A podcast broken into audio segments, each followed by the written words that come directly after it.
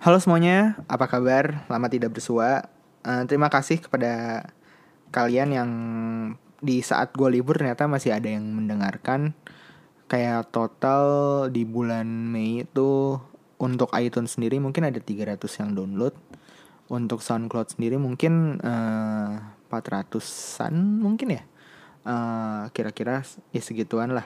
Uh, terima kasih walaupun bulan Mei cuman rilis dua episode tapi kalian kayak uh, apa namanya ya follower juga mm, bertambah yang dengerin juga makin yang dengerin juga makin banyak jadi terima kasih kepada kalian semua. Maaf udah menunggu mungkin uh, terlalu lama kali ya soalnya harusnya sih minggu kemarin udah bisa uh, standby lagi tapi gue janjinya 5 Juni jadi ya, ya 5 Juni nih gue realisasikan gitu dan sebenarnya ini juga uh, episodenya merupakan episode yang hasil dari live streaming waktu itu gitu. Jadi gue waktu live streaming itu tuh bareng sama Attack No Wizard 17, Muhammad Fadil, uh, gimana ya hitungannya bukan temen sih kalau misalkan di The Sims tuh uh, kan kalau misalnya temen tuh udah bisa udah bisa gosip gitu ya udah bisa hug gitu ya udah bisa udah bisa tell a joke yang gimana gimana gitu kan tapi soalnya uh, seumur hidup kita tuh baru ketemu uh, secara nyata di dunia real itu cuma dua kali. Dan satu kali di dunia maya gitu. Jadi tapi ya uh, apa pas waktu bertemu lagi terus kayak ngobrol-ngobrol terus asik terus kayak gue ngajakin dia eh ngobrolin ini tentang gue pengen ngebahas mengenai AI ini tapi masalahnya gue nggak nggak ngerti-ngerti banget. Terus kayak uh, ya dia uh, sedikit paham dan dia juga lagi belajar ke arah sana gitu. Jadi bisa sharing-sharing beberapa mengenai AI dan sekarang kan banyak smartphone smartphone yang uh, apa-apa pakai AI gitu ya kamera pakai AI charging pakai AI terus dikit-dikit AI dikit-dikit AI atau terus kayak bener nggak sih itu tuh artificial intelligence atau emang cuman gimmick doang gitu? Nah di situ kita ngebahas itu. Uh, terus satu lagi uh, jangan lupa untuk uh, ya follow silahkan subscribe boleh Terus juga ikutin kalau mau ya, kalau mau ikutin sosial media Arvi Pratek Podcast di Twitter dengan nama @arvipra, di Instagram dengan nama @arvipratek podcast, di Facebook di namanya Arvi Pratek Podcast juga.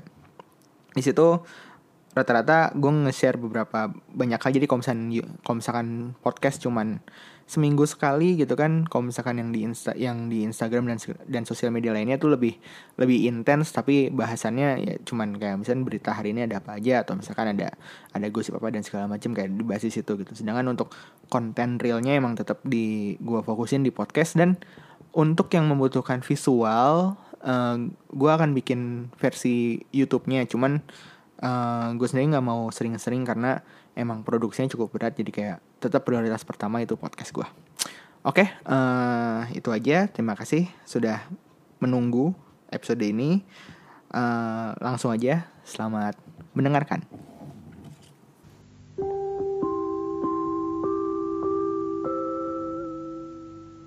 Uh, nggak cuma 2 S sih sebenarnya sih. Eh 2 S S2 sih. Tapi S2. Uh, semua rata-rata semua HP yang rilis di Indonesia sekarang kayaknya ada ada embel-embel AI-nya gitu. Kayak semua misalkan AI aja ya. Uh, uh, kayak uh, Asus kan Asus Asus lebih gila lagi sih. Dia di presentasinya tuh wah AI charging, AI ringtone, AI boost, uh, AI apalagi tuh? AI uh, scene detection, AI real beautification AI photo learning segala macam lah terus G7 ThinQ itu uh, make ya kan make embel-embel ThinQ itu kan emang untuk branding AI-nya si LG kan iya yeah. uh, nah yeah. itu tapi gue juga belum belum ngeliat soalnya rata-rata di video-video yang yang promoin LG tuh ya uh, rata-rata pada suka sama si boombox speakernya lah pada suka sama uh, apa namanya uh, tombol Google Assistant yang lebih memudahkan lah dan segala macam gue juga gue belum ngeliat sama sekali. Terus uh, Oppo juga kan ada tagline selfie eh AI selfie kan? Eh selfie. Uh -uh. terus Xiaomi juga ikut ikutan sekarang. Pakai selfie AI di Redmi Note 5 sama uh, Redmi S2 gitu. Nah, Ah, eh kan lu nih di sini gue pernah awal di teaser kan gue perkenalin lu kan ahli nujum berbasis artificial intelligence nih. Ih, siap siap. Nah, sebenarnya eh AI itu eh ini deh, AI itu apa sih? Apakah AI itu eh, seperti yang digambarkan di Hollywood yang Terminator Terminator gitu atau gimana gitu? Dasarnya aja dulu. Oke, eh, sebelumnya ini ya apa namanya? Eh, thank you banget udah ini, udah apa namanya? Udah nge-mention sebagai ahli nujum. enggak, enggak, enggak. Enggak, eh, jadi gini, sebelum gue mulai berhubung AI ini kan sebenarnya banyak istilah teknisnya ya. Jadi gue bakal jelasin pelan-pelan. Oke. eh jadi memang banyak banget kan sekarang orang ngomongin AI. Apakah AI itu kayak di film-film robot, terus kemudian serba otomatis dan lain-lain gitu. Mm-mm. Sebenarnya secara definisi itu AI itu ya artificial intelligence ya kalau di bahasa kita tuh inteligensi buatan atau kecerdasan buatan lah. Nah, itu tuh salah satu dari bidang IT. Nah, tujuannya dia nyiptain atau nambahin sesuatu eh, yang berupa kecerdasan ya Mm-mm. pada sistem umumnya komputer. Komputer di sini eh, pokoknya komputer yang dianggap sebagai sesuatu yang memproses data lah, Mm-mm. menghitung menghitung. Itu sistem, sistem yang dimaksud itu. Yang mana sekarang udah jadi bagian esensial di industri teknologi kalau gue lihat ya. Si Nah, AI ini. Ya si AI ini kan udah kayak banyak banget orang make tapi sebenarnya nggak nggak begitu kelihatan karena menurut gua AI ini bukan konsep yang baru ya jadi ibaratnya kayak ini tuh gue bilang ilmu nenek moyang di mana dulu tuh tahun 50-an orang bisa ngeprediksi sesuatu kayak lu tahu apa Alan Turing gak sih? Ah ya, ah, ah. kan tuh kan ada kayak penemuannya dia bisa memprediksi sesuatu gitu. Dia punya pengujian sendiri untuk memprediksi sesuatu di masa depan. Misalkan masa depan tuh maksudnya ya nggak masa depan tahun kapan gitu. Cuma ya paling nggak bisa lebih lama dari sekarang gitu. Mm-mm. entah itu satu menit satu jam kayak gitu.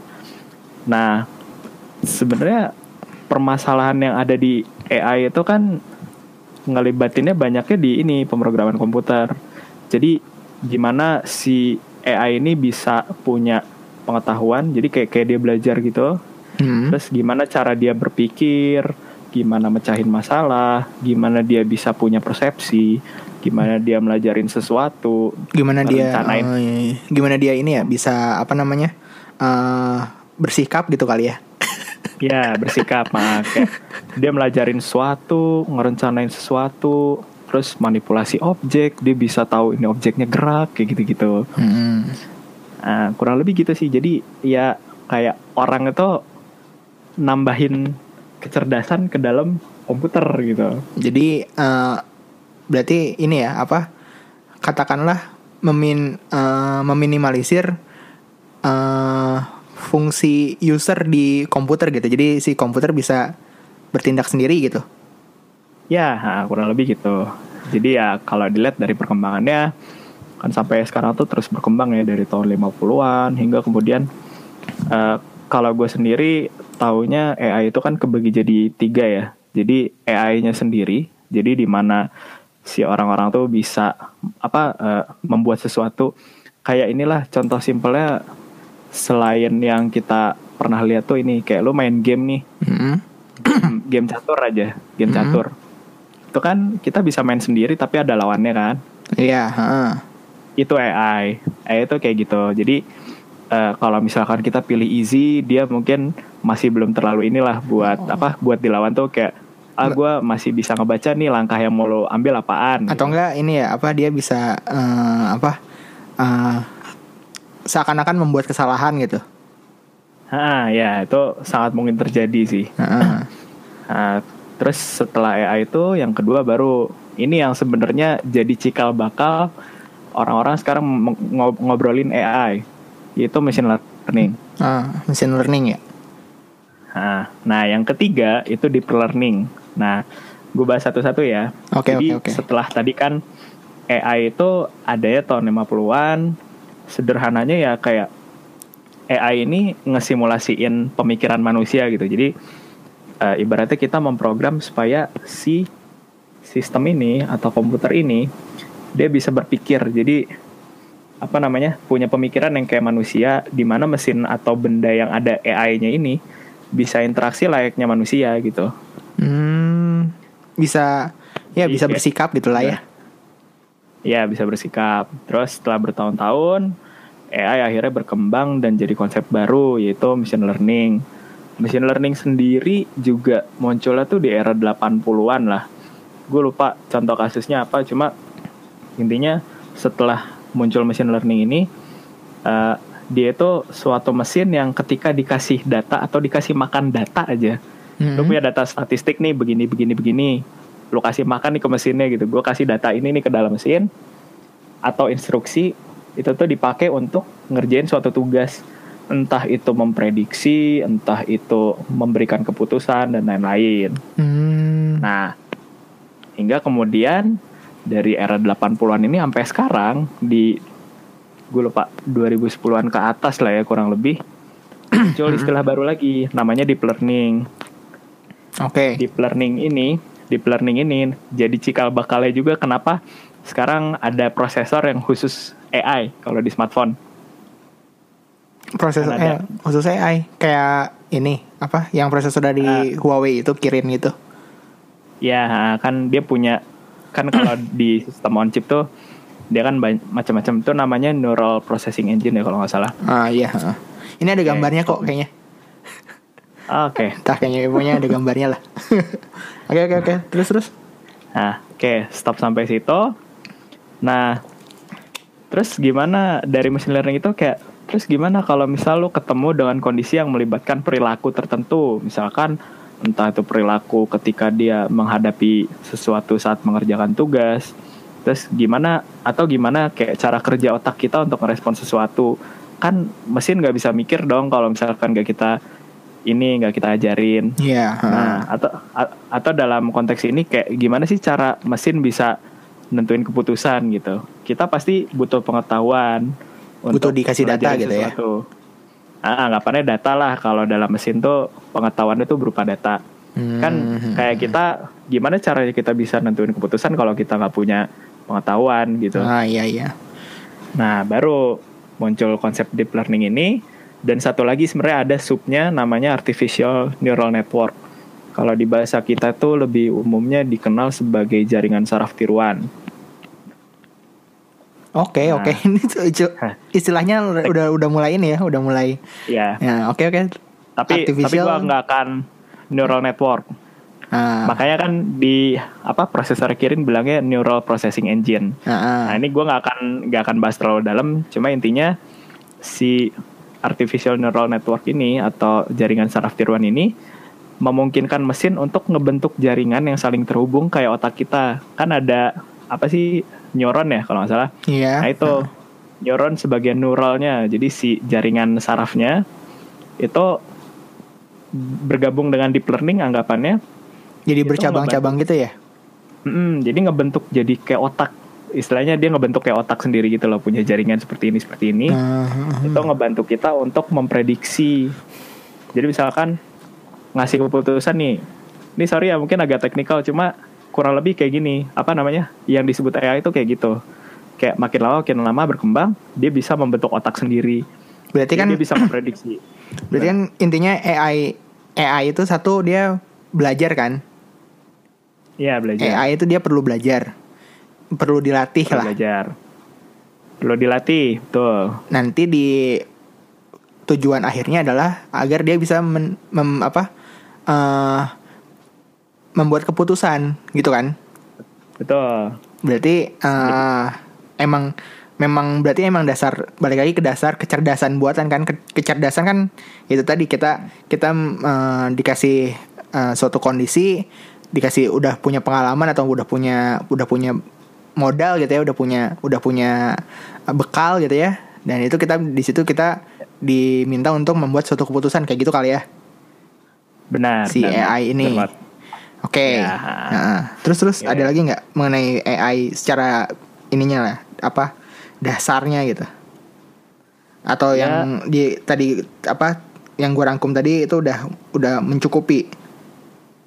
Kalau menurut gue kayaknya udah cukup ya. Jadi intinya dari yang awalnya nyimulasiin apa namanya pemikiran manusia, kemudian dia dikasih data atau pengetahuan itu jadi mulai bisa ngerjain sesuatu hingga kemudian di akhir itu dia bisa ngebentuk kayak pemikiran sendiri, jadi punya otak gitu loh. Nah, Hmm, dia bisa akhirnya bisa ngeprediksi yang lebih baik gitu dengan perilaku seperti ini, seperti itu dan bisa lebih akurat lagi untuk mengambil keputusan. berarti ini emang dia eh, nggak seperti misalnya katakanlah yang mesin atau misalkan non AI berarti kan dia semakin lama nggak ada perkembangan kan kecuali eh, entah itu developer atau siap atau siapanya lah ngoprek dan segala macam menambahkan fitur atau apa segala macam sedangkan kalau dia sendiri semakin lama dia mas bisa bisa semakin ahli gitu ya Ya, dia bisa belajar sendiri.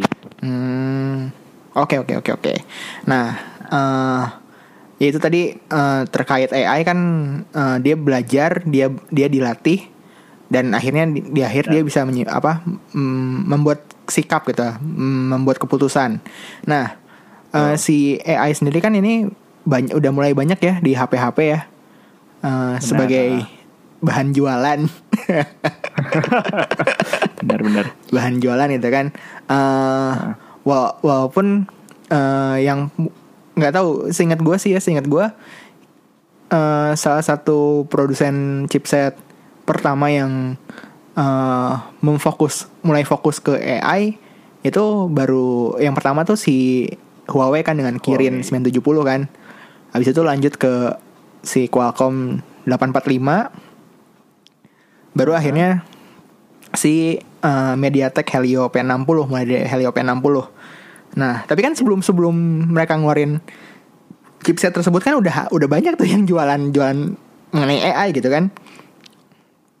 Ya kayak Oke. inilah katakanlah uh, Oppo F5 dulu tuh udah pakai tagline ah, ini AI beauty gitu. Ya, benar. AI beauty terus uh, uh, sekarang udah banyak hmm, mungkin rata-rata uh, fitur AI yang kepake di smartphone tuh yang di bidang fotografi kan yang gue lihat ya Benar, benar.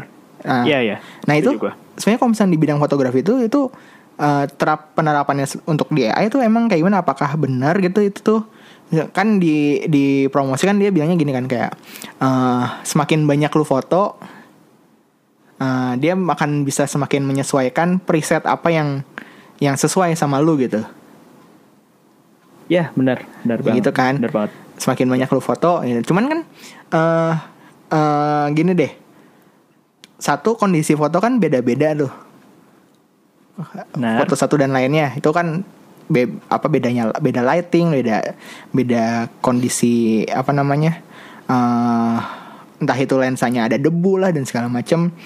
Nah terus udah gitu eh apa namanya terus kan dia bikin preset itu tapi tapi gue gue sendiri ngerasainnya kayak nggak nggak terlalu signifikan gitu loh si perbedaannya.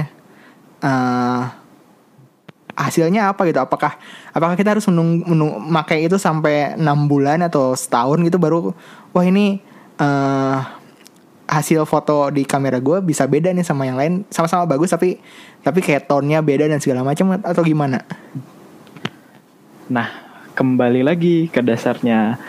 Gue kalau melihat dengan apa ya dengan jualan AI di smartphone itu, gue lebih menganggap itu sebagai machine learning kali ya. Hmm. Karena gini, eh ambil contoh sederhananya kalau di foto tuh, lo pernah upload foto ke Facebook kan? Mm-mm. Nah, ketika kita upload, setelah fotonya nyampe di Facebook, Mm-mm. dia tuh ngasih suggestion untuk nge-tag orang ini. Itu Iya, salah satu teman lo misalkan Mm-mm. kayak gitu terus Facebook tuh bisa kenalin siapa teman kita dan ngetek mereka secara otomatis ya dengan cara apa namanya eh machine learning itu eh, ah, ya misalkan mau ngetek si ini enggak eh, misalkan karena fotonya tuh mirip dengan teman kita. Ah iya iya. Gitu. Ah, ah, ah. atau lo kalau kalau nyimpen foto di Google Photos tuh kan ada bagian yang dipotong mukanya doang tuh. Yang atau enggak ini deh bisa bisa nge-search? Ha, bisa nge-search. Search gambar di Google Image dulu tuh di Google Goggles ya. Itu kan bisa tuh kayak gitu. Terus eh, kalau hubungannya dengan gambar kayak Google tuh ini bisa mengidentifikasi kucing dalam gambar misalkan. Terus dia ngasih deskripsi ini adalah kucing. Tapi gue masih ingat banget dulu ada berita di BBC bilang gini, "Eh, Google salah memprediksi sesuatu dan menjadi rasis. Lu bayangin, nih sorry itu ya, apa? gua bukan- gambar apa? Ya yang santai aja nih yang nonton juga cuma satu ini. Tapi nggak tahu sih nanti ya gimana gimana gimana? Maksud gue, ini sorry ya, bukan berhubungan dengan rasisme, cuma jadi di berita itu tuh Mm-mm. ngasih contoh kasusnya yang memang terjadi itu Google Photos mendeteksi dua orang berkulit hitam tahu sebagai apa? Sebagai gorila. oh iya oh Itu kan itu sebenarnya bukan bentuk rasis ya, cuma maksudnya eh, kalau gue menyimpulkan bahwa sebenarnya ketika dia mengidentifikasi dalam gambar itu ada sebuah objek, ketika dia gagal eh, atau anggapannya dia memang bisa suatu waktu akurat, mungkin Hmm. lebih banyak akuratnya daripada yang gagalnya gitu, nggak akuratnya. Mm-mm. Nah, tapi sekalinya gagal kayak barusan orang berkulit hitam dianggapnya gorila, itu tuh bisa sangat fatal.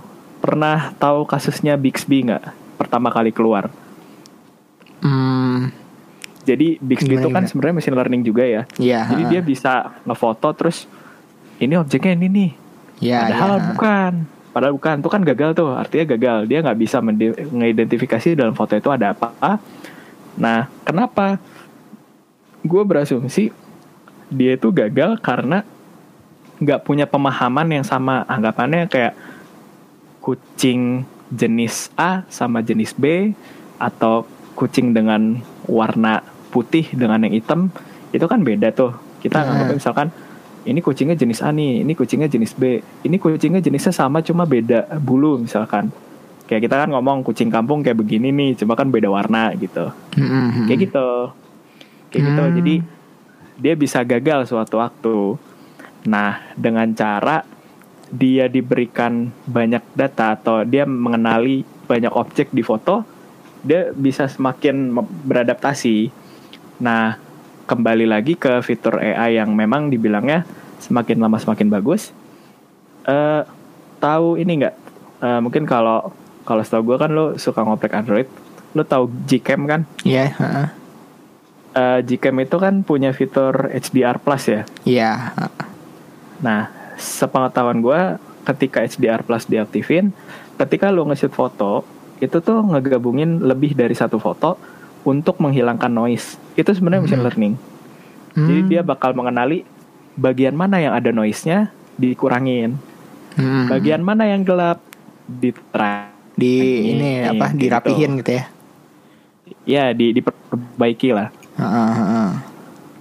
Tuh, tuh sebenarnya udah masuk machine learning dan eh, dulu waktu Google Pixel 2 keluar kan juga bilangnya kenapa kita butuh dua lens untuk bikin foto bokeh ketika kita bisa pakai satu lensa doang. Hmm, hmm. Dia tuh si Google ini lagi menjual fitur machine learningnya sebenarnya. Iya, ngedeteksi dia bisa ini kan portrait orang dan background dipisah dan yang background di background gitu eh background di blur kan betul. Nah, Tapi lo sering lihat gak sih ada beberapa bagian yang fail gitu kayak Ada, ada. ternyata oh oh nggak sampai ujung rambut udah di blur. Oh Yang- yang lebih paling sering- dari ujung rambut udah di blur. yang paling sering tuh ini kabel Gimana? headset gitu kabel headset tuh pasti kena tuh Ah kalau ya. kalau pakai gitu. headset pakai itu biasanya kena tuh biasanya di- ken- jadi blur gitu si kabel headsetnya Ya, ya bener banget. Ya kurang lebih gitu. Jadi semakin lama dia dipakai, dia makin beradaptasi kayak belajar. Dan kembali lagi ke hakikatnya, AI ini bisa belajar ketika ada data. Jadi semakin banyak kalau tadi yang gue tangkap ya, mungkin ini bisa dikatakan sebagai gimmick atau enggak ketika memang prosesornya tidak untuk AI. Misalkan eh, Huawei punya nih yang khusus AI kayak gitu. Mm-mm. Tapi kan paling tidak secara software itu bisa diprogram sebenarnya. oh Jadi lo menyesuaikan misalkan ketika ketemu foto gini apa yang harus dilakukan. Atau kalau di Google Cam ada HDR Plus, ketika lo punya foto yang dengan kondisi seperti ini, apa yang sebaiknya dilakukan? Kayak Tapi- gitu. tapi itu eh eh, si pres apa kan komisen komisen gue sih ngeliatnya kayak kom yang tadi yang disebutin yang kom misalnya yang software gitu ya, Ya. itu kayak eh ya udah udah udah punya presetnya gitu loh, udah punya apa namanya eh aduh kalau misalnya bikin acara kontingensi plannya gitu loh, kontingensi plannya kayak Ya. misalnya ada eh, se- serangkaian kasus ini yang lo harus lakukan, jadi kayak eh, if A dan B gitu, if A dan B, if A dan B gitu. Sedangkan tapi kan eh si eh, pada pada saat penggunaan makin lama kan nggak nggak nggak jadi makin makin makin apa ya makin makin oke juga makin makin advance juga si softwarenya gitu atau si softwarenya ikutan ikutan ini juga ber- beradaptasi Nah, gue malah berpikiran kayak gini. Ketika kita memang sedang nggak melakukan aktivitas untuk foto-foto atau video, Mm-mm. bisa aja kan si anggaplah entah prosesor, entah OS, entah softwarenya, dia ngeproses gambar yang kita simpen dalam handphone, anggaplah di galeri, itu dipelajarin satu-satu. Ini foto apa? Kayak di Google Photos kan sekarang udah bisa tahu. Ini receipt alias bond. Iya. Ini ada objek kucing. ini Atau bahkan menu ini menu. Eh, atau bahkan gue pernah menemukan kasus ketika gue buka Facebook eh berapa tahun lalu ya, 2016 lah kurang lebih. Gue pernah ketika itu internet tuh lagi lambat. Ya tahu sendiri lah ya kalau internet lambat kan ngelot gambarnya lambat tuh. Mm-mm. Biasanya kalau di eh, kalau di web apa website yang gambarnya belum keluar tuh kan diganti sama teks. ya ada alternatif teksnya ya alternatif teks dan yang gue lihat itu itu tuh bukan tulisan fotos tapi tulisannya image may contain one animal one phone. Hmm. dan dan secara mengejutkan ketika gue refresh di dalam foto itu memang ada satu binatang dan ada satu handphone. Itu meme. Itu meme. Jadi real banget itu kalau kata gue jadi dia bisa ngenalin objeknya sebelum di load kayak gitu. Terus oh ini gue pernah nemu juga temen yang abis ganti profile picture. Sendiri kan kalau profile picture pastinya. Mm-mm. rata-rata kan sendiri. Tulisannya gini image may contain one person smiling. Waduh. ya gimana nggak ini gitu gimana nggak Facebook kena kasus. Kan sebenarnya data kita diambil tuh untuk itu sebagian gitu Iya iya. Untuk untuk untuk dipelajari dan Untuk apa dipelajari. dikembangkan sama si Facebooknya sendiri kan. Hmm, ngembangin si Facebooknya makin ya ya oke oke oke oke oke oke.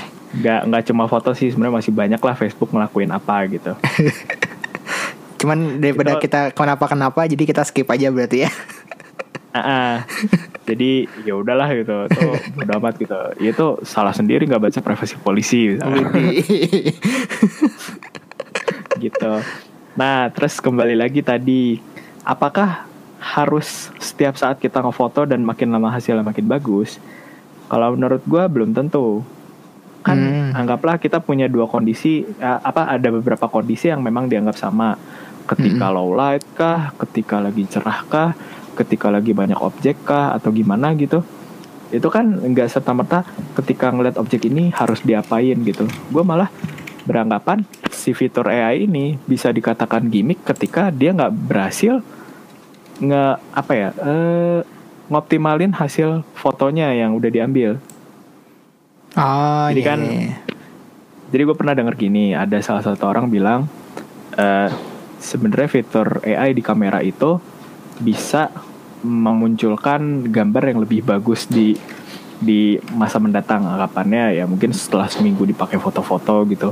Tapi kan kalau misalkan gitu, gue nggak gue nggak yakin rasanya kalau misalkan orang harus foto banyak dulu baru dapetin hasil yang bagus gitu. Berarti tiap handphone ketika diproduksi dia nggak bisa belajar dong.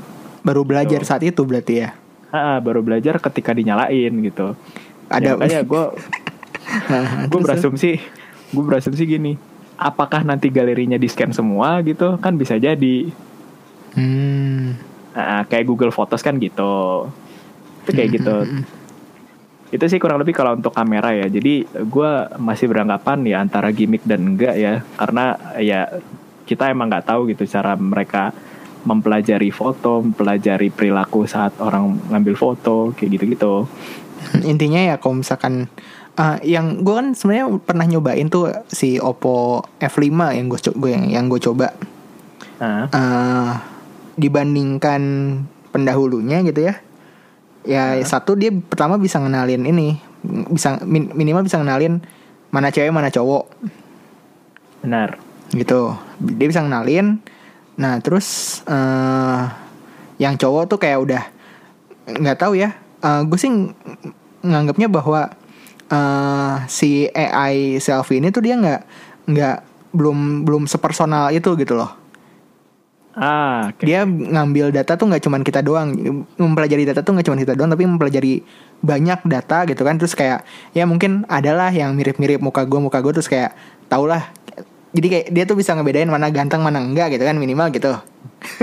Ya terus kalau misalnya yang nggak ganteng oh ini kalau misalnya ganteng nih diginiin nih. Entah itu uh, pipinya tirus entah itu hidungnya mancung gitu kan uh, kulitnya skin tone-nya gimana dan segala macam. Nah, jadi Ah. si pris apa uh, ketahuan mana yang ganteng itu uh, dijadiin tolak ukur, terus diterapin ke semua device gitu. Jadi kayak nggak nggak nggak personal kayak uh, apa nggak sepersonal itu cuman terkukung sama diri sendiri aja gitu. Jadi kayak terhubung sama banyak perangkat juga. Gimana menurut lu? ya kalau gue berpikir liar ya Mm-mm. kan sangat mungkin nih ketika vendor ngeluarin software kameranya sendiri dia ngirimin sampel foto mau sejelek apa pun kualitasnya dia kirim misalkan dia bisa kenalin foto yang seperti ini karena kan kalau misalkan ngupload eh, apa ya kalau ngupload gede kan pasti ketahuan sama kita ya Mm-mm. cuma sangat mungkin dia bisa ngirim informasi dari foto yang dia pelajarin kayak gitu karena Mm-mm. dikirim dia punya server sendiri tuh untuk ditaro Eh, ibaratnya kalau di machine learning tuh eh, dibagi dua tuh misalkan ada gambar tuh ada yang jadi kalau di machine learning tuh ketika kita punya satu apa namanya data yang kita punya itu dipecah jadi sekian puluh persennya itu untuk dites untuk diuji Mm-mm. yang kedua tuh untuk di training atau dilatih ya. Jadi training set dan test set kan sangat mungkin tuh kalau misalkan kita ngirim misalkan dari sekian banyak foto mereka langsung ngeproses tuh. Itu sebenarnya ada gitu. Bisa aja tahu oh eh, foto yang dengan kontur muka seperti ini ini cowok Mm-mm. Eh, dengan kontur muka seperti ini cewek. Eh, wah ternyata ini kurang tirus. Berarti bagian mana nih yang harus dioptimalin Hmm. gitu. Nah, gue jadi inget ini ada berita waktu itu yang LG bilang eh, kenapa semua handphone bilang apa namanya menjual fitur AI-nya gitu, AI yang di foto ya. Iya, eh, kamera gitu ya. Padahal, eh, padahal itu nggak jauh beda dengan facial recognition ditambah Photoshop. Jadi kayak mata digedein, ini digedein, misalkan eh, hidungnya dimancungin, atau gimana lah pokoknya jadi ini Hmm. gitu, jadi sesuatu yang beda. Kayak gitu. Nah. gue juga sampai sekarang kalau ngelihat AI beauty dan lain-lain, sebenarnya dia belum tentu mempelajari, tapi dia hanya mengenali ini objeknya perempuan, apa yang harus dilakukan dari objek yang seperti ini gitu. Mhm.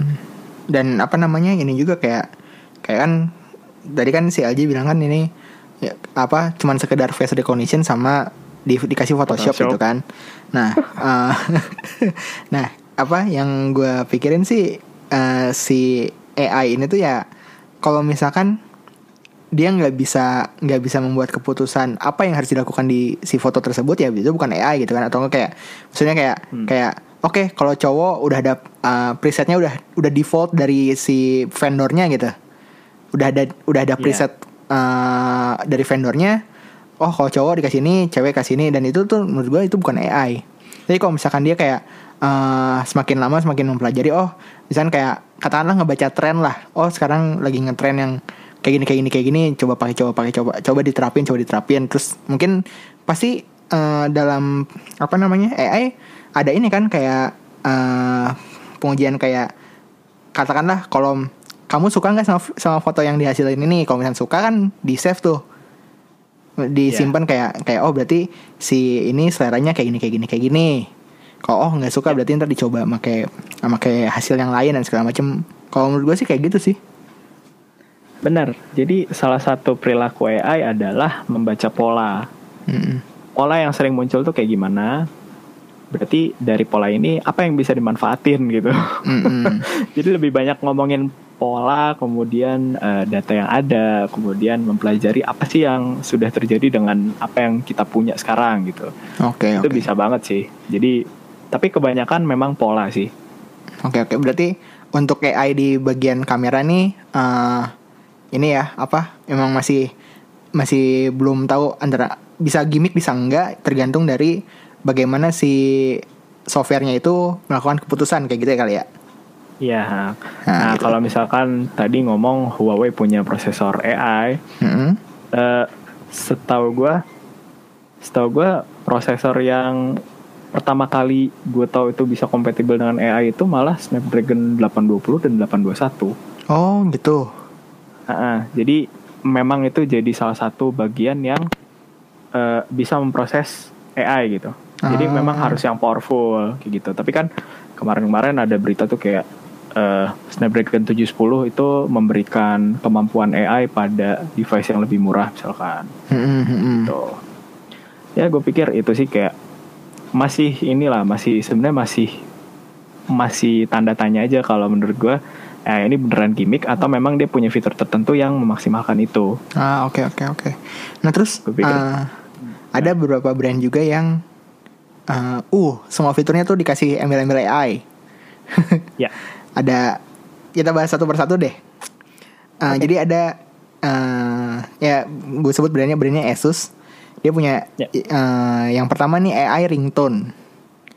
Nah AI ringtone ini tuh dia eh, intinya gini. Yang gue dapat dari presentasinya ya. Eh, Menyesuaikan ada volume nada dering dari lingkungan sekitar. Kalau misalkan lingkungan sekitar itu apa sunyi berarti volumenya jangan terlalu kencang. Kalau sekitarnya itu uh, di kayak di outdoor itu lagi di luar gitu kan banyak banyak klakson mobil, banyak banyak ada yang teriak woi goblok maju gitu atau gimana gitu ya itu tuh si volume ringtone-nya tuh dinaikin gitu nah Nah, eh, itu AI atau bukan em, bisa iya bisa enggak sih. Tapi kalau misalkan ngeliat kayak gitu gue malah ngeri sendiri. Berarti dia always listening ini ya? Nah, apakah mikrofon itu aktif terus untuk nge- ngenalin keadaan sekitar? Dan gue malah bertanya-tanya, secanggih apa mikrofonnya bisa sampai ngenalin suara sekitar? gitu? Eh, atau ini apa? Eh Apa? selain make selain dapat permission mikrofon juga dapat permission location juga kali. Nah, misalkan itu.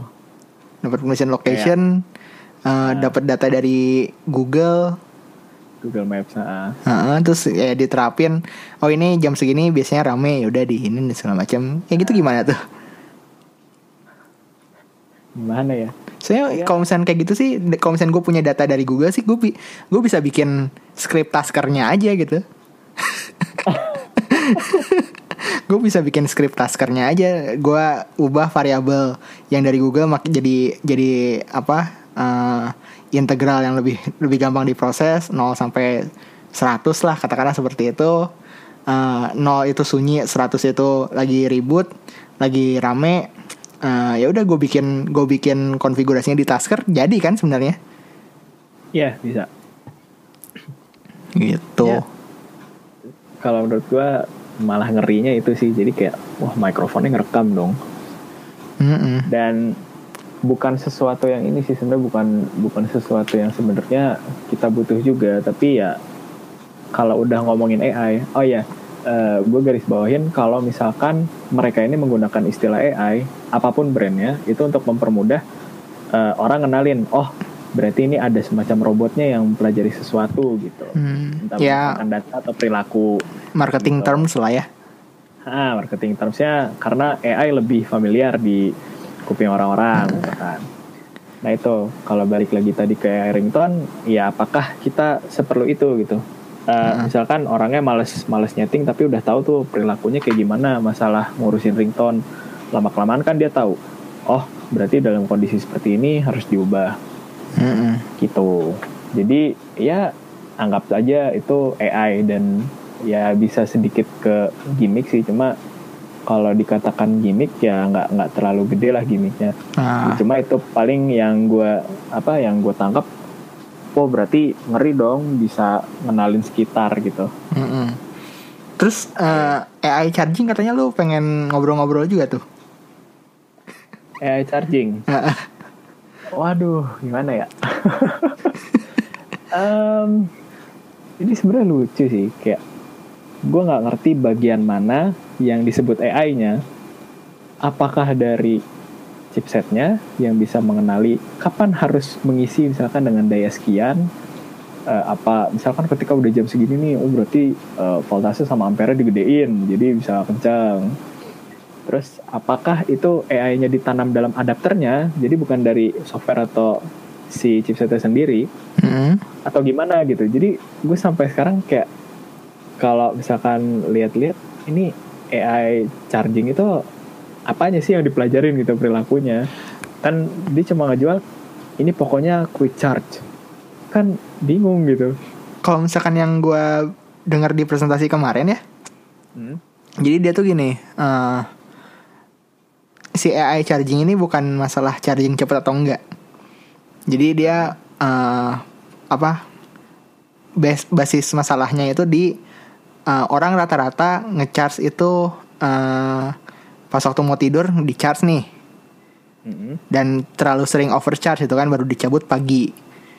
ya Ya ada beberapa ada beberapa penelitian bilang itu nggak apa-apa, ada beberapa penelitian itu bilang merusak baterai. Tapi Heeh. uh, orang kan ya mungkin uh, sekarang juga banyak pada, pada pada pada banyak yang ya adanya quick charge juga kan biar lu nggak usah ngecharge uh, semalaman gitu kan ya. Kayak gitu. Nah nah si AI charging ini adalah misalnya lu ngecharge malam nih. Nah Hmm. pas wak- dia tahu uh, lu tidur dia akan berhenti di persentase sekian katakanlah 80% atau apa. Di 80% si chargingnya di bukan di stop sih masuk ke trickle charging lah. Jadi uh, daya yang masuk tuh sesuai dengan daya yang diperlukan sama si HP ya jadi pada kondisi itu uh, kapasitas baterainya nggak nambah nggak ngurang. Nah oke oke. baru pas waktu kita ini ini ini gue ngutip dia langsung ya. Jadi ya. eh, pas waktu kita mau bangun beberapa jam eh, beberapa menit sebelum kita bangun itu chargingnya dimulai kembali sehingga pas waktu kita bangun baterai udah 100% kayak gitu. Oke. Nah. Ya, berarti gue kurang nangkep lah ya Kayak Uh, uh, gitu. ya mungkin apa yang dipelajari adalah uh, kapan kita bangun, kapan uh, usage HP uh, apa namanya uh, setiap malamnya gitu kan. Kita kapan kita kapan um, apa si HP dalam kondisi standby, kapan digunakan kembali dengan intensitas eh, intensitas yang sangat tinggi gitu. Mungkin itu yang dipelajari kali ya. masuk akal sih tapi eh, tetap sih gue malah balik lagi kayak buat apa gitu maksudnya ya mungkin ada semacam inilah ya eh, proteksi tambahan agar baterai nggak ini karena Mm-mm. kan kalau yang gue tahu baterai yang jenisnya itu lithium apa ya ion sama polimer sama nggak sih Ada Pokoknya, lithium polimer, ada lithium ion. ah, Dua-duanya ya, emang sering dipakai di sini. Kenapa? Maksudnya apakah sama gitu kan dulu mitosnya kayak kita harus ngecas handphone 8 jam baru eh, baru aman dipakai lah istilahnya kayak ngisi dayanya biar maksimal nah Hmm. sekarang setahu gue ngecas handphone ketika udah 100% itu dan emang gak diapa-apain ya dia nggak akan ini udah langsung otomatis di cut aja Iya, langsung ya masuk trickle charging lah. Ha-ha, jadi udah udah langsung ke mesin lah bukan ke baterainya Ha-ha. doang gitu Jadi kayak apa namanya? Soalnya kalau ke baterai kan bikin panas juga kan pasti. Nah, tapi kayaknya eh, memang kalau yang gue tangkap dari pembahasan lu barusan, oh berarti AI charging ini lebih ke eh, apa ya? Supaya baterai itu nggak nggak cepat istilahnya eh, kapasitas aslinya tuh berkurang atau di kalau di laptop tuh ya kayak wear level lah. Iya, wear level. ha. Si punya, battery cycle-nya gitu ya. Mm, kayak gitu. Apakah yang itu perlu gitu? Gue gue lebih ke sana sih. Hmm. Karena ya itu kalau misalkan kita tahu lithium ion ya kayak gitu. Maksudnya bisa sudah penuh ya udah gitu.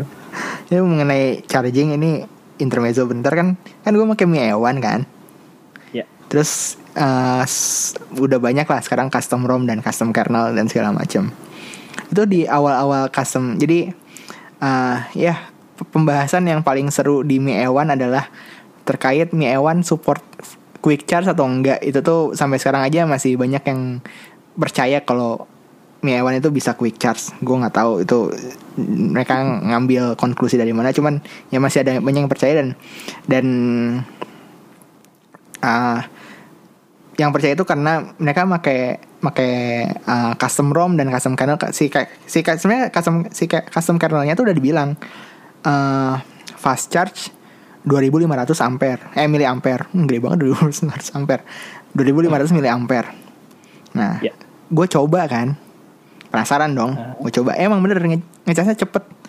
Eh, yang biasa gue butuh waktu sekitar 110 menit dari 1% ke 100% ini 70 menit Ah, iya. iya. itu 40 menit tuh gede banget kan untuk untuk ukuran ngecas HP Ya. Nah, pas waktu Yang gue cek lagi, gue kan ya gue ngambil beberapa data dan terus kayak make apa multimeter juga lah dan buat ngecek juga. Dia di baterai di kapasitas 90% ke atas tuh masih make eh, input yang normal loh. Input normal gimana? Masih 2500 miliampere. Gak turun. Oh. Iya, iya. Grafiknya tuh linear. Kan harusnya grafik Ah, ngecharge tuh eh, linear sampai 80% terus udah gitu rada rada melambat kan? menyesuaikan. Ya. Ya, menyesuaikan. eh, ya kalau misalkan eh, charger 2 2 ampere gitu biasanya di 80% ke atas tuh mungkin 900 atau 800 lah. 900 800 mili ampere. Ini enggak, ini dia tetap pakai tetap full speed gitu loh. Ah, gue langsung ngeri anjir ngeri banget gue balikin lagi ke stock ROM gue nggak berani dan besok eh, berapa, bulan berikutnya terus fitur itu ditiadakan di semua custom kernel gue nggak tahu gue nggak ngikutin ada kasus apa kenapa itu tiba-tiba dihapus di di dicabut si fitur tersebut tapi ya gue udah udah udah udah curiga juga dari awal gitu nah, jadi ya tapi ya sih. apa Kenapa? Ya memungkinkan itu di kalau dari sisi kernel ya. Tapi kan eh, karena kalau gue intermezzo juga, memang dulu gue punya tablet dia itu si ya mungkin untuk alasan keamanan ya. Jadi si charging yang harusnya dapat 2 ampere atau 1 ampere gitu, itu dibatas. Jadi oh enggak charger bawaannya 1 ampere, tapi gue Hmm. pakai charger yang 2 ampere. Mm-mm. Sebenarnya kompatibel, tapi ditahan itu di 1,2 ampere doang gitu ya kalau nggak salah. Mm-mm. Jadi pas gue lihat pakai kernel Adiutor, Mm-mm. ya udah tulisannya tuh kayak dibatas sampai 1,2. Begitu gue gedein beneran naik gitu ampernya. Ya itu sih mungkin untuk ini kali ya untuk ngelihat potensi seberapa seberapa aman dan seberapa besar si baterai atau charging ini bisa tembus lebih dari kapasitas yang asli gitu. Iya. Karena kan kalau kita ngomong quick charge berarti adaptasi voltase kan, Mm-mm. lebih ke arah sana sebenarnya. Mm-mm. Gitu. Ya dan apa? eh ya cuman cuman OnePlus dengan dash charge-nya aja lah yang berani 4 empat setengah 4 ampere gitu. Eh, tapi tetap sih sampai 80 90-an mulai lambat ya. Iya itu itu wajar ini ini dia nggak nurun-nurun terus kayak gue gue langsung eh, langsung seram gitu langsung kayak anjir terus eh apa gue pengen memberitahukan kan di grup gitu kan tapi gue diserang gitu loh kayak kayak apa udah enak dikasih cepet malah malah protes terus gue kayak enggak men. Lu lu nggak tahu ini. Ini ntar hardware lu kuat atau enggak ya pokoknya itulah. Itu mengenai charging gitu Iya, ya, iya. intermezzo mengenai charging. Terus yang yang gue sebel tuh mengenai AI AI fitur itu tuh yang AI boost. Apa tuh? yang ini loh eh, di aplikasi tertentu si hardwarenya eh, ya semacam inilah sem- semacam kalau misalkan di motherboard itu ada eh, ini ada overclock button Ada overclock button, lu pencet overclock button, tiba-tiba prosesor lu clocknya naik, RAM lu menyesuaikan speednya, uh, dapat FPS lebih besar 10 atau 12 persen gitu. Nah itu Ya. tuh si AI boost tuh kayak gitu. Dia uh, apa namanya? Hmm, kayak overclock gitu. Yang gue sebel tuh apa coba? Apa? Ada buttonnya di quick setting. Ah, iya. Jadi iya, pas waktu- iya, iya. Jadi gini, adalah tesnya gitu ya. Set satu bukaan tutup. Nah, benchmark tools andalan kita. Ya. Bukaan tutup set orang-orang jebret. Hasil dapat hasil 116 ribuan lah. Mm, Terus udah gitu close buka quick Mati. setting tap si AI boost terus diklik lagi antutunya jadi 133 ribu ah, Oke. terus gue kayak gue kayak kenapa lu nggak nggak nggak bikin namanya apa kayak overclock button aja gitu Iya sih ini gue ambil baca juga. Jadi katanya ini ya untuk apa ningkatin performa untuk apa aplikasi-aplikasi yang butuh komputasi yang lebih intensif. Mm-mm. Tuh. gaming gaming buat gaming Wah, eh, buat gaming pokoknya. Tapi kok gue malah berpikir gini, eh apa ya? Kalau misalkan nih anggapannya hanya untuk ningkatin performa komputasi doang gitu, atau CPU-nya di overclock, itu kenapa harus AI gitu? Karena eh, kalau menurut pemahaman gue ya waktu kuliah, jadi gue ada mata kuliah yang mempelajari perilaku prosesor memproses suatu instruksi ya atau pekerjaan apa yang dia lagi kerjain Mm-mm. itu ada namanya penjadwalan scheduling Mm-mm. nah eh, kalau yang gue tahu di Android itu eh, lu pernah dengar istilah ini gak sih Eh, apa namanya governor ah ya governor ya heeh.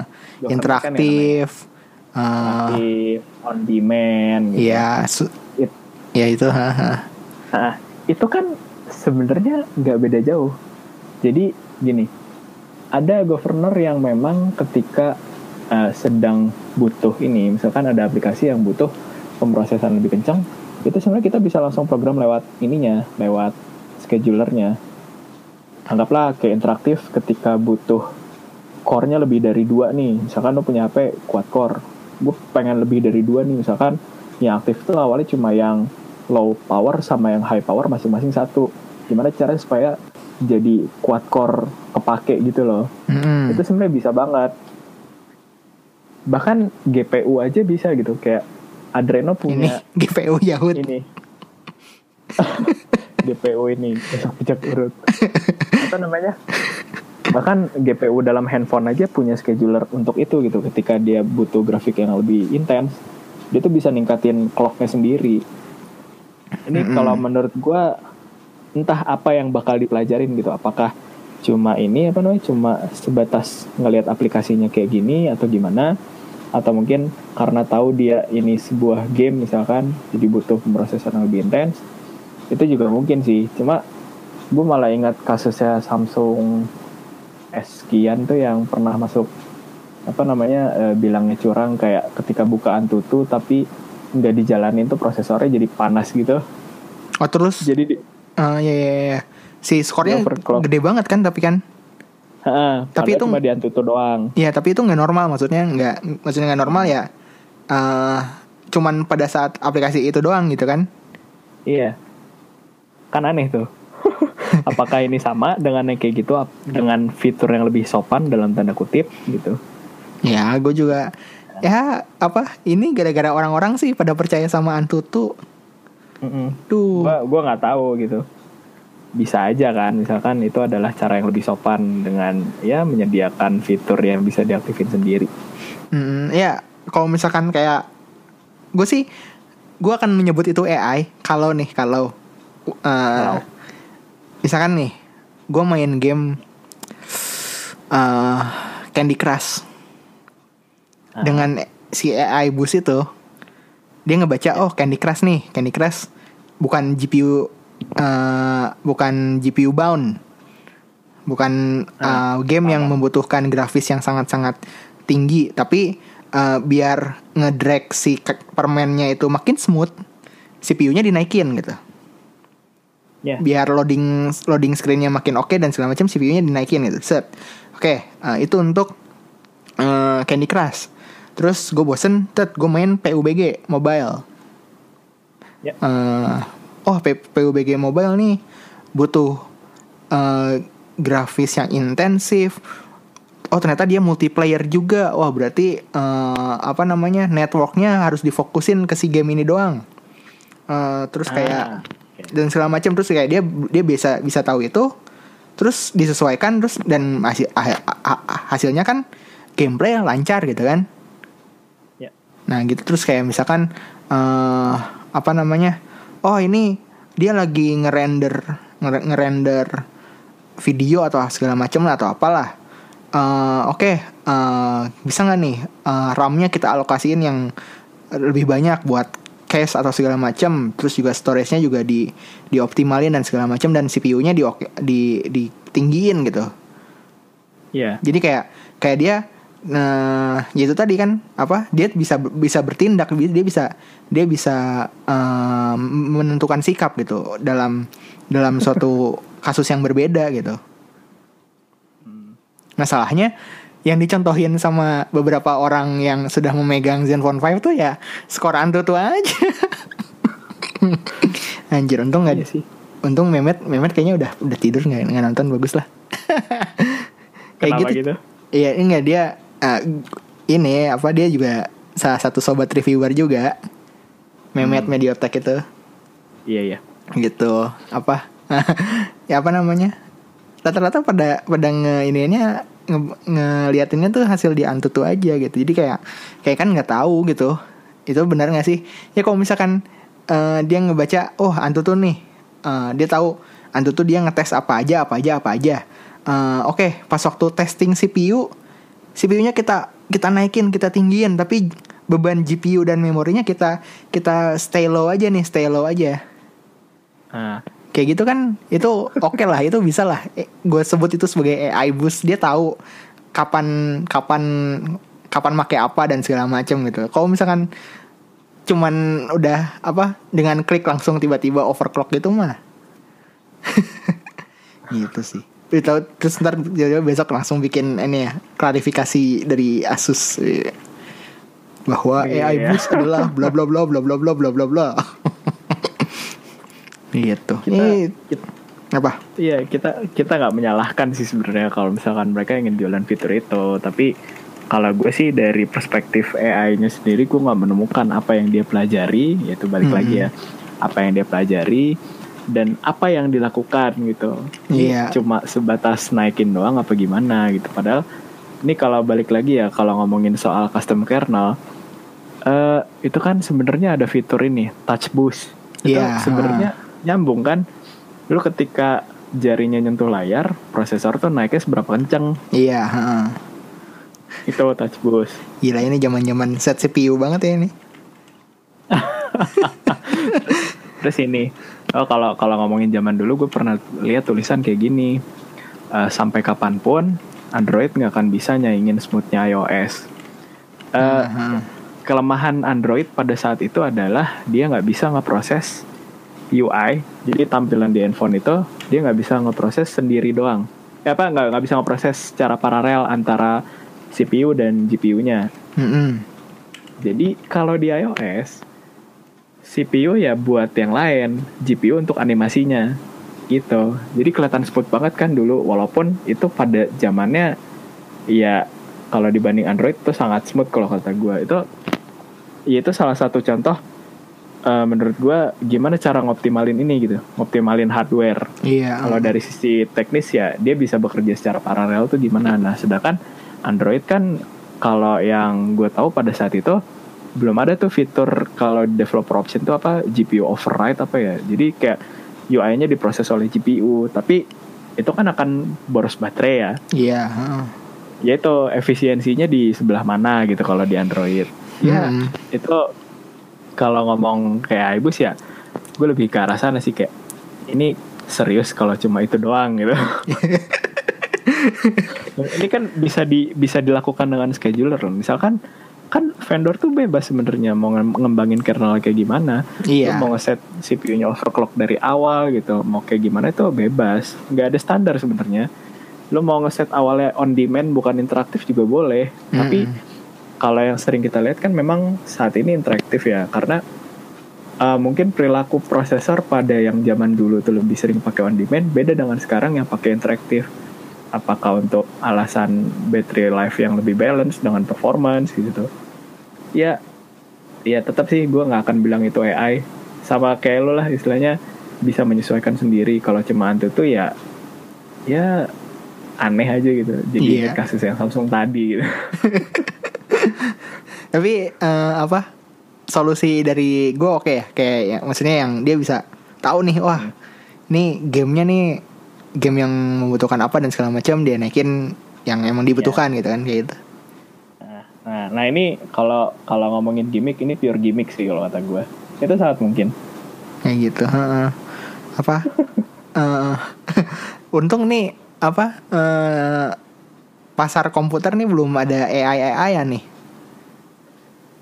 Maksudnya nggak ada gimana? Ya maksudnya di komputer desktop buat gaming gitu kan nggak belum ada embel masih RGB nih kita komputer-komputer kan kan masih masih tren RGB nih sampai sekarang. Yeah. belum muncul yeah. AI AI nanti ya apa kek? Tiba-tiba uh, eh, AI overclock tanpa mencet button gitu tiba-tiba dia tahu wah dia oh, apa namanya uh, oh ini hardwarenya sekian sekian sekian. Wah menurut data dari bla bla bla bla bla bla bla menurut overclocker bla bla bla bla bla ini bisa dinaikin nih sampai sekian nih. Terus naikin. kelamaan. Ya sama gitu. kelamaan ini. AI salah kaprah di kemudian hari gitu loh. Kami kami para AI engineer tuh jadi kayak aduh kenapa orang-orang mikirin gitu ya?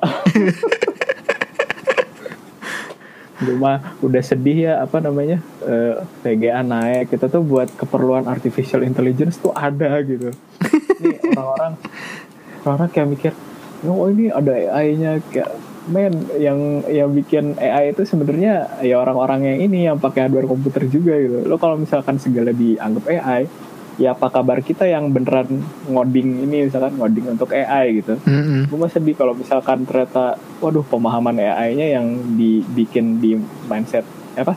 Yang ada di mindset mas, mindset masyarakat tuh kayak condong, oh pokoknya begini aja, pokoknya bisa jadi lebih bagus gitu. Padahal nggak sesederhana itu Kita harus belajar statistik dulu Belajar matematika dan lain-lain. Iya. Aduh aduh.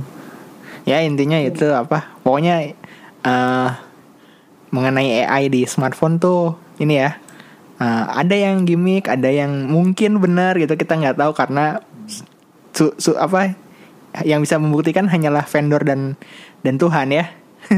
Iya Itu Yang penting uh, Yang pasti AI itu ya kalau misalkan uh, ya dia dia dia dia belajar dia mempelajari dia bisa dilatih dia bisa diuji dan pada akhirnya ya uh, output yang dihasilkan uh, menyesuaikan apa yang dia ya menentukan sikap lah dia bisa menentukan sikap yoi. Ini lu ta, ini gak sih bisa bisa bikin AI yang ntar judgmental gitu? Judgmental kayak gimana? Iya kayak misalkan ya katakanlah gue punya HP dengan AI selfie gitu kan terus kayak tut, tut, tut. Hmm. terus AI-nya kayak ih ini ini orang jelek banget sih. Atau enggak dia ngebaca dia ngebaca galeri gitu kan terus kayak oh dia pendukung ini dan semua sosmednya langsung diarahkan. Membuat bubble. Kayak gitu. Ih serem juga ya. kan ya kayak tadi yang gue bilang lu buka gambar di Facebook internetnya lambat muncul alternatif teksnya bisa tahu itu isi gambarnya apa aja udah ngeri gitu. Mm -hmm. ya, men pada saat itu gue mikir waduh ini machine learning udah apa di Facebook udah sampai ke tahap ini nih. Ini apalagi selanjutnya? Dulu mah orang masih mikir kayak ini kenapa sih Facebook Ads gitu? Kayak uh, iklan-iklan di Facebook tuh bisa apa bisa pas aja tiap ini apa namanya? Uh, tiap kita lagi lihat ads itu kayak pas banget. Uh, eh, gue tuh lagi nyari itu gitu. Kan sekarang juga sama malah gabung ke aplikasi. Kan makin ngeri gue Tapi kira-kira jadi bisa apa? Bisa melajarin kebiasaan kita waktu browsing loh itu. Ya ibaratnya kalau lo sering sorry ya kayak browsing porn gitu tuh bisa sangat mungkin lo dapat ads yang berhubungan dengan porn. Eh, Jadi tapi kita bisa langsung nodong teman kita. Ini mungkin gak sih kayak kan eh, orang-orang ada beberapa yang takut wah dan referensi takut mereka itu Terminator gitu ya. Eh, si apa? Skynet Skynet itu. Sebenarnya mungkin gak sih? Ah, kita di tahap itu atau sebenarnya eh, mungkin atau masih lama atau misalkan mungkin mungkin aja bisa mungkin besok bisa terjadi ya tiba-tiba gitu atau gimana? Menurut lu gimana dengan perkembangan AI yang sekarang? Eh, eh, mungkin kalau misalkan sederhananya gini. Tahu kan ya ada robot robot guguk ya. Gue kalau ngomong anjing ntar jadi negatif gitu loh. Nah, enggak apa-apa nggak robot anjing gitu. ya robot robot anjing gitu. Heeh. jadi robot kan ada tuh robot anjing yang ketika dibuka dari kotak dia bisa belajar sesuatu gitu loh. Ketika jatuh dia bangun lagi. Ketika jatuh dia bangun lagi. Itu juga salah satu bahasan di machine learning namanya reinforcement learning reinforcement learning jadi dia mempelajari sesuatu yang sudah terjadi dijadikan acuan untuk eh, berikutnya.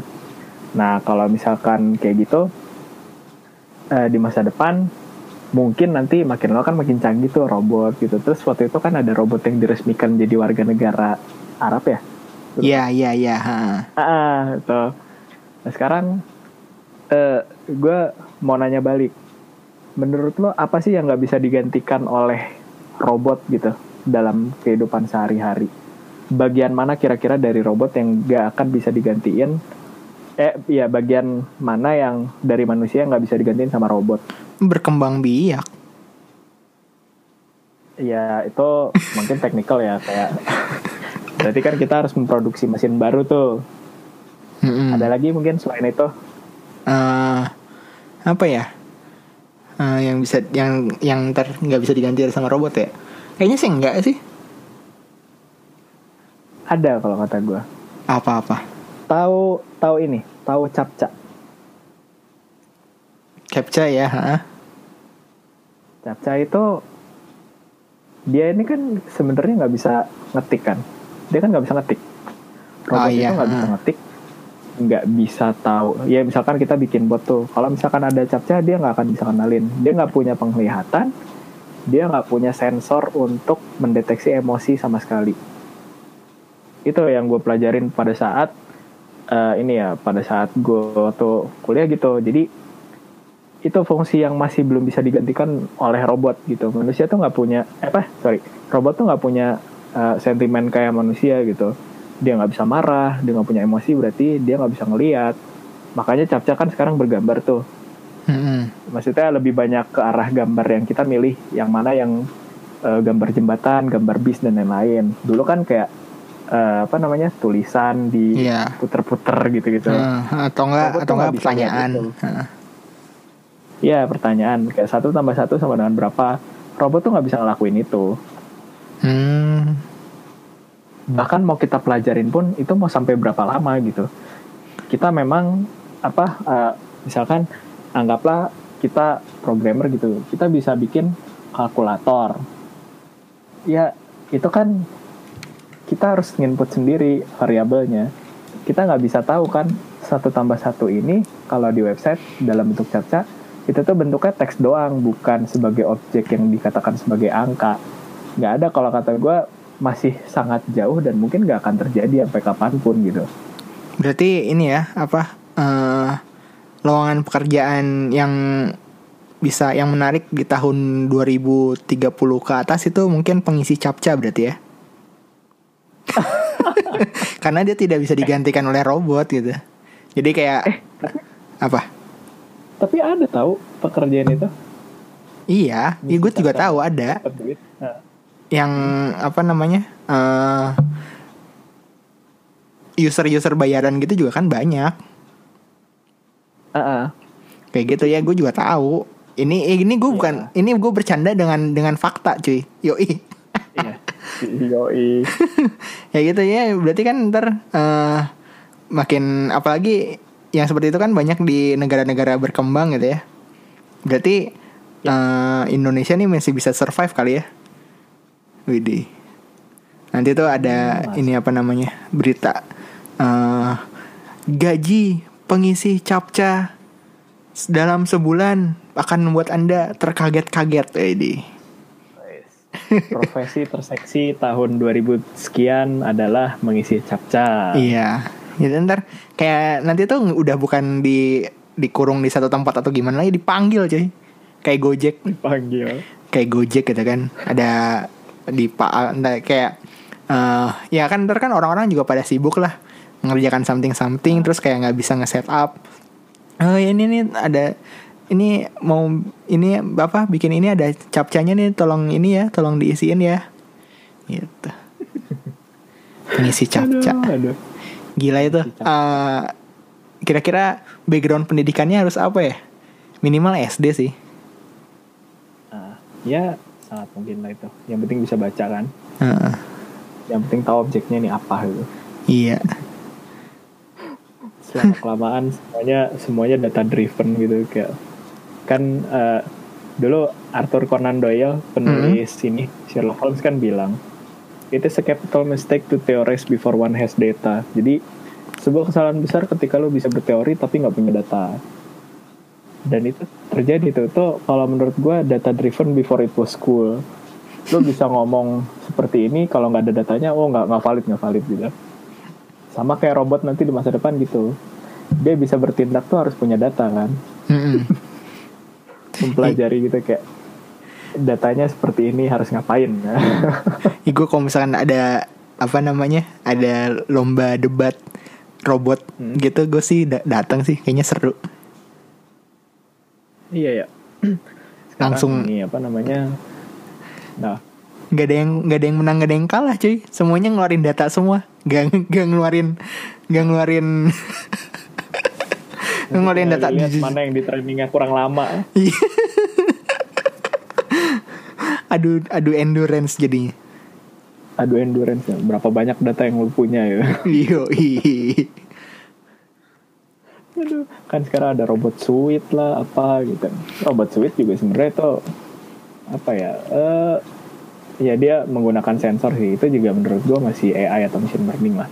Eh, yang robot itu dia ng- ngelihat ngelihat apa ngelihat ini ngelihat gerakan tangan terus mata terus kayak gitu jadi biar dia bisa wah ini dia kayaknya kemungkinan besar ngeluarin kertas nih gue black hole wah dia langsung menang Iya.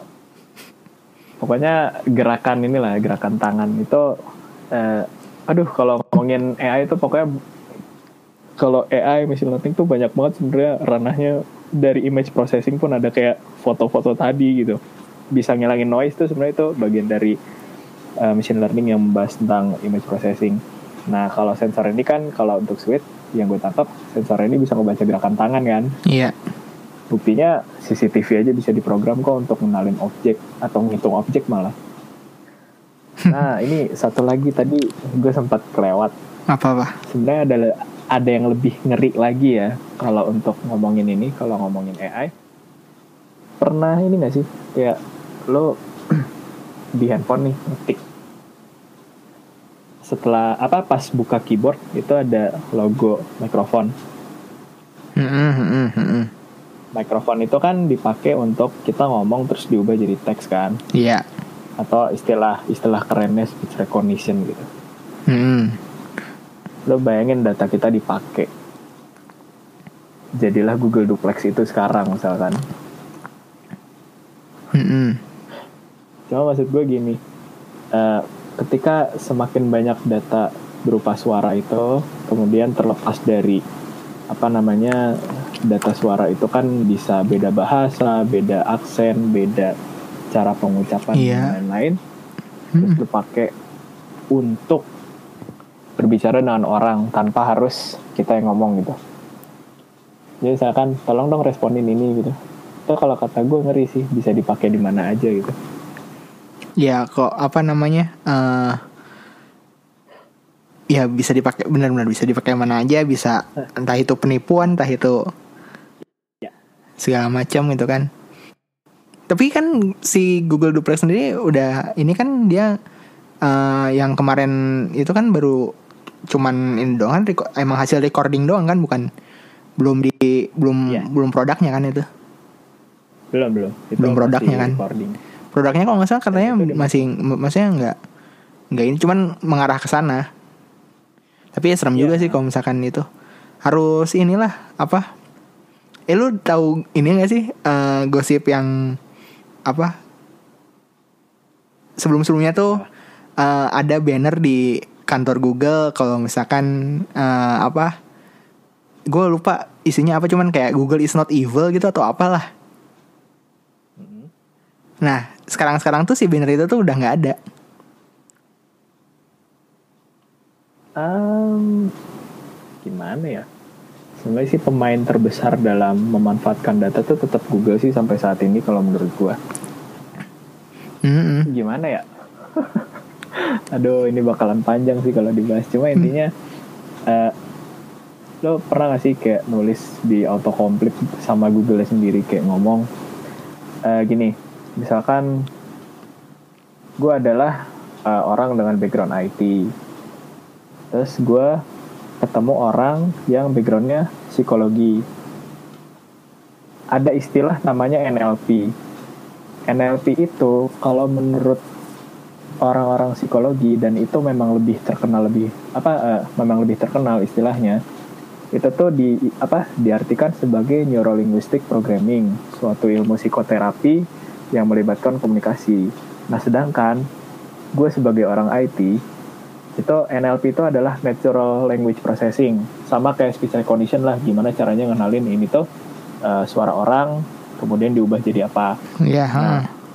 ya, dalam autocomplete ini sebelumnya dia akan ngambil hi- apa istilahnya kayak sejarah kita nge-search sesuatu tuh arahnya ke mana diambil tuh datanya ketika yang orang psikologi ngetik NLP itu keluarnya neurolinguistic programming tapi pas gua ngetik keluarnya natural language processing ngeri kan Oh iya, ini gue gue gue baca kok blognya kok yang yang ini ya apa?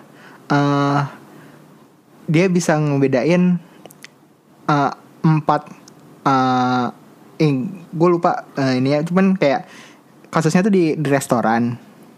ah Terus kayak eh si ada dua ada dua respon dari si restorannya. Yang pertama itu eh eh, ok- table for eh, meja untuk empat orang. Terus si duplexnya tuh nge ngebales eh, oke.